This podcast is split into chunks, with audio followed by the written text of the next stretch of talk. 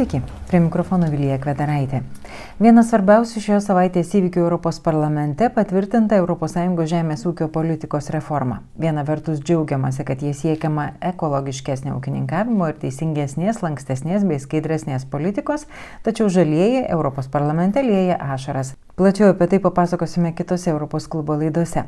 Migracijos ir Baltarusijos tema - klimato susitikimas COP26. Apie tai galite paklausyti trečiadienio Europos klubo podcast'e. Tai irgi buvo Europos parlamento darbo atvarkėje šią savaitę. Balsuota dėl minimalaus darbo užmokesčio ES bei dėl sporto modelio, koks jis turėtų būti, aptarta Stambulo konvencijos pažanga, ar gal veikiau jos nebuvimas. Plačiau apie tai kalbėsime taip pat vėlesnėse Europos klubo laidose. O šiandien plačiau.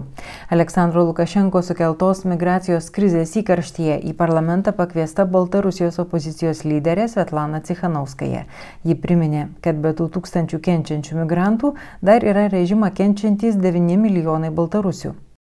Finally, in November, the tensions at the Belarusian-Polish border reached a boiling point. Ir galiausiai lapkričio mėnesį įtampa prie Baltarusijos Lenkijos sienos pasiekė aukščiausią tašką. Tūkstančiai užsienio piliečių tapo režimo įkaitais ir tada ES atkreipė jos dėmesį. Buvo e, keli skambučiai siekiant pagerinti jų sąlygas, tačiau tuo pačiu metu 9 milijonai baltarusių yra taip pat režimo įkaitai. Ar mes užmiršome tragiškas pamokas e, iš Europos praeities? Tironus iš tikrųjų padrasina e, bendravimas su jais. Ir kai jūs e, vengiate konfrontacijos su smurtautoju, jūs tiesiog leidžiate jam toliau veikti, o tai gali kainuoti daugiau ir kelti didesnį pavojų ar tikrai baigsis reali parama? Mes jau matėme koks gali būti pavojingas toks režimas kaimynėms. Lietuva ir lenkija dabar susiduria su didžiausiu sienų apsaugos išbandymu. Ir beje lenkija lietuva likite tvirtos. Mes e, Žinome, kad jūs mokate didelę kainą už tai, kad esate tikri Baltarusijos bičiuliai. Our fight for freedom is your fight for freedom too. Only by standing together and acting decisively does democracy have the chance to survive in this world. Mūsų kova už laisvę yra ir jūsų kova už laisvę. Tik tai, būdami drauge ir veikdami, ryštingai užtikrinsime, kad demokratija išliks šiame pasaulyje. But I must say it. Atleiskite už tai, kad esu tiesmukiška, bet turiu tai vis tiek pasakyti. Nuo 20 metų rūpiučio mėnesio buvo daug solidarumo pareiškimų. Baltarusijai buvo giriami už tai, kad jie kovoja už savo orumą ir demokratiją. Ar netėjo laikas dabar paremti tas vertybės veiksmais? Ar Europa suras drąsos imtis ryštingų veiksmų dabar? Ar reiks mums laukti dar vienus metus? Gerbėmieji ponios ir ponai, dar vienų metų neturime nei Baltarusija, nei Europa. Europos parlamente kalbėjo Baltarusijos opozicijos lyderė Svetlana Cichanauskaja. Dar viena tema - Europos parlamentas patvirtino kitų metų ES biudžetą. Plačiau apie jį su biudžeto komitete dirbančia europarlamentarė Užra Maldeikienė. Bi biudžetą turi iš tikrųjų patvirtinti kas? Europos parlamentas ES biudžetą turi būti ir taryba, Europos taryba. Taip, galutinė variantė ten Europos tarybos vadovai, bet dažniausiai tai yra finansų ministrų kompetencijos laukas. Ir be abejo, ta įtampa visada kyla dėl to, kad parlamentui norisi daugiau, visiškai analogiškai kaip Lietuvoje. Nu, parlamentarai vis pagalvoja naujų programų ir naujo gėrio, kas nėra blogai. Uh, O valstybės narės pradeda, pagalvoja apie tai, kad joms reikės nu, visą tai finansuoti. Tai tas, tas įtampos žydinys yra labai natūralus, jis buvo ir šį kartą. Taip? Ir nuo to pirminio Europos komisijos, pirmiausia, Europos komisija sudaro tą planą ir atsiunčia į parlamentą. Nuo to pirminio pasiūlymo iš tikrųjų buvo e, sumažinta, nu, po, po visų tarybos svarstymų buvo sumažinta šiek tiek, su, sugalvota beveik milijardų su trupučiuku sumažinti biudžetą. Visa biudžeto apimtis yra 170, nu, beveik 2 milijardai, taip, sakysim, metų ES biudžetas. Tai vad jį buvo sugalvota sumažinti mažiau negu pusantro milijardo. E, na, Europos parlamentas vis dėlto sugebėjo atsikovoti apie pusę milijardo, apie nu, 400 panašiai. E, vos vos mažiau negu 400 milijonų eurų ir atstatė nu, kai kurias programas, kurias irgi sutinka. Nu, tai buvo rastas toks kompromisas.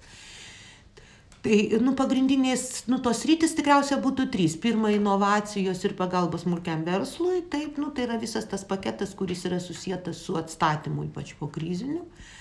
Antra dalis turbūt būtų nukreipta, tai kas nukreipta į ateitį, tai yra visi tie dalykai, kurie yra e, moksliniai tyrimai, horizonto programa, e, e, nu, kas ten, Erasmus programa, taip, tai yra, bet Erasmus programai buvo paskirta, jeigu gerai pamenu, apie 140 milijonų eurų papildomai.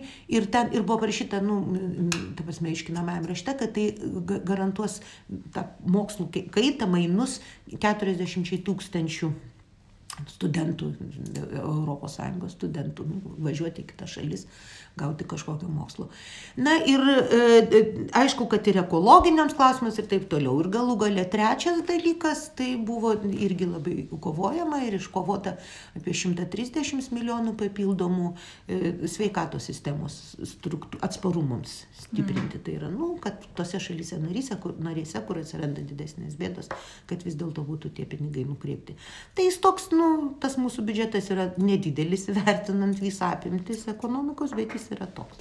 Migracijos klausimai, pavyzdžiui, dabar čia vis tiek keičiasi tos, tos pozicijos, keičiasi prioritetai. Ar kažkoks yra tenai minčių galbūt, ar buvo bent jau bandymų didinti? Kalbant apie biudžeto kontekste, aš tikrai Taip, nenoriu biudžeto. diskutuoti Taip. apie migracijos politikas.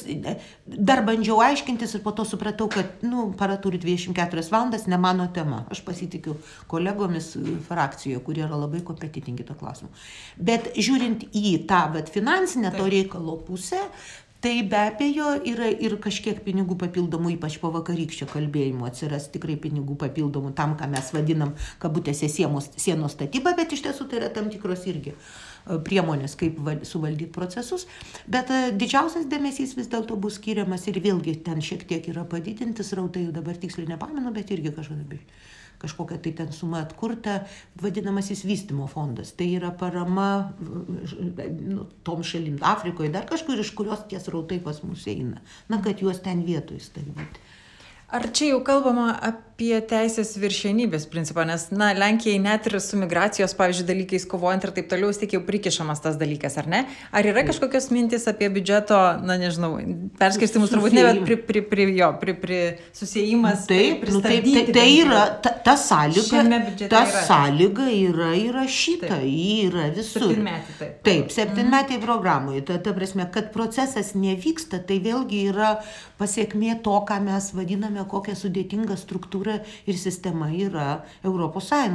Nes, pavyzdžiui, nu vadovų taryboje užtenka Vengrijos arba Lenkijos balso, kad jos nepatenkinto sprendimu ir nu, ir nebeveikia. Mm. tai, tai toks sprendimas yra priimtas ir Europos parlamentas vėl eilinį kartą, va čia vėl patvirtina kiekvieną progą, kur tik tai kontekstą, kad finansinės išmokos valstybėms narėms yra siejamos su žmogaus teisėmis nu, ir įstatymo viršenybė, kad nebūtų teis, teismai.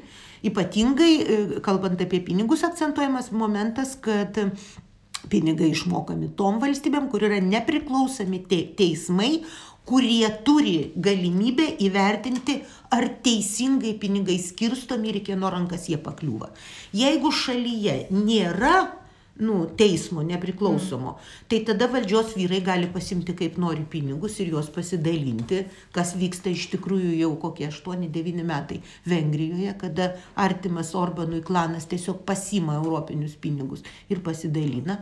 Aš sakyčiau, tam tikrą formą šitai bandė daryti Karbauskio vyriausybė, bet nu, taip, netokie gudrus kaip Orbanas ir netokie netokie, tiesiog netokie protingi, tai jiems nelabai sekėsi. Na, bet jie bandė. Tai kas tai gali sustabdyti? Nepriklausomas teismas, kuris pasakys, ne, čia korupcija. O jeigu tu atimi iš teismo tą prerogatyvą, ką pavyzdžiui padarė, nu, dėl geriausių kitokių priežasčių taip pat ir Lenkai, tai tu turi problemų. Tik tai vat, įdomu, ar, nes paprastai gyvinimo fondo lėšos jau, jau buvo pristabdytos, ar ne? Pavyzdžiui, yra diskusijos, kad neišmokėti. Ar tai yra su metiniais biudžetais, ar, ar ateina kažkokios mintys apie aš, tai? Kaip aš suprantu šitą procesą ir kaip aš žinau, galiu klysti kažkiek tai techni, te, technologijose, tas procesas yra, nėra kol kas, pasme, yra nutarimai. Bet kol kas tai nėra tiesiogiai buvę, kad jiems neduotų kažko kaip aš suprantu. Kalbėjo Europos liaudės frakcijos narė Užra Maldeikienė. Šiandien tiek. Susitikime kitą trečiadienį. Sekite Europos klubą socialiniuose tinkluose, prenumeruokite podcastą ir skaitykite radijos stočių svetainėse. Su jumis buvo Vilija Kvedaraitė. Europos klubas dalinai finansuojamas Europos parlamento. Europos klubas.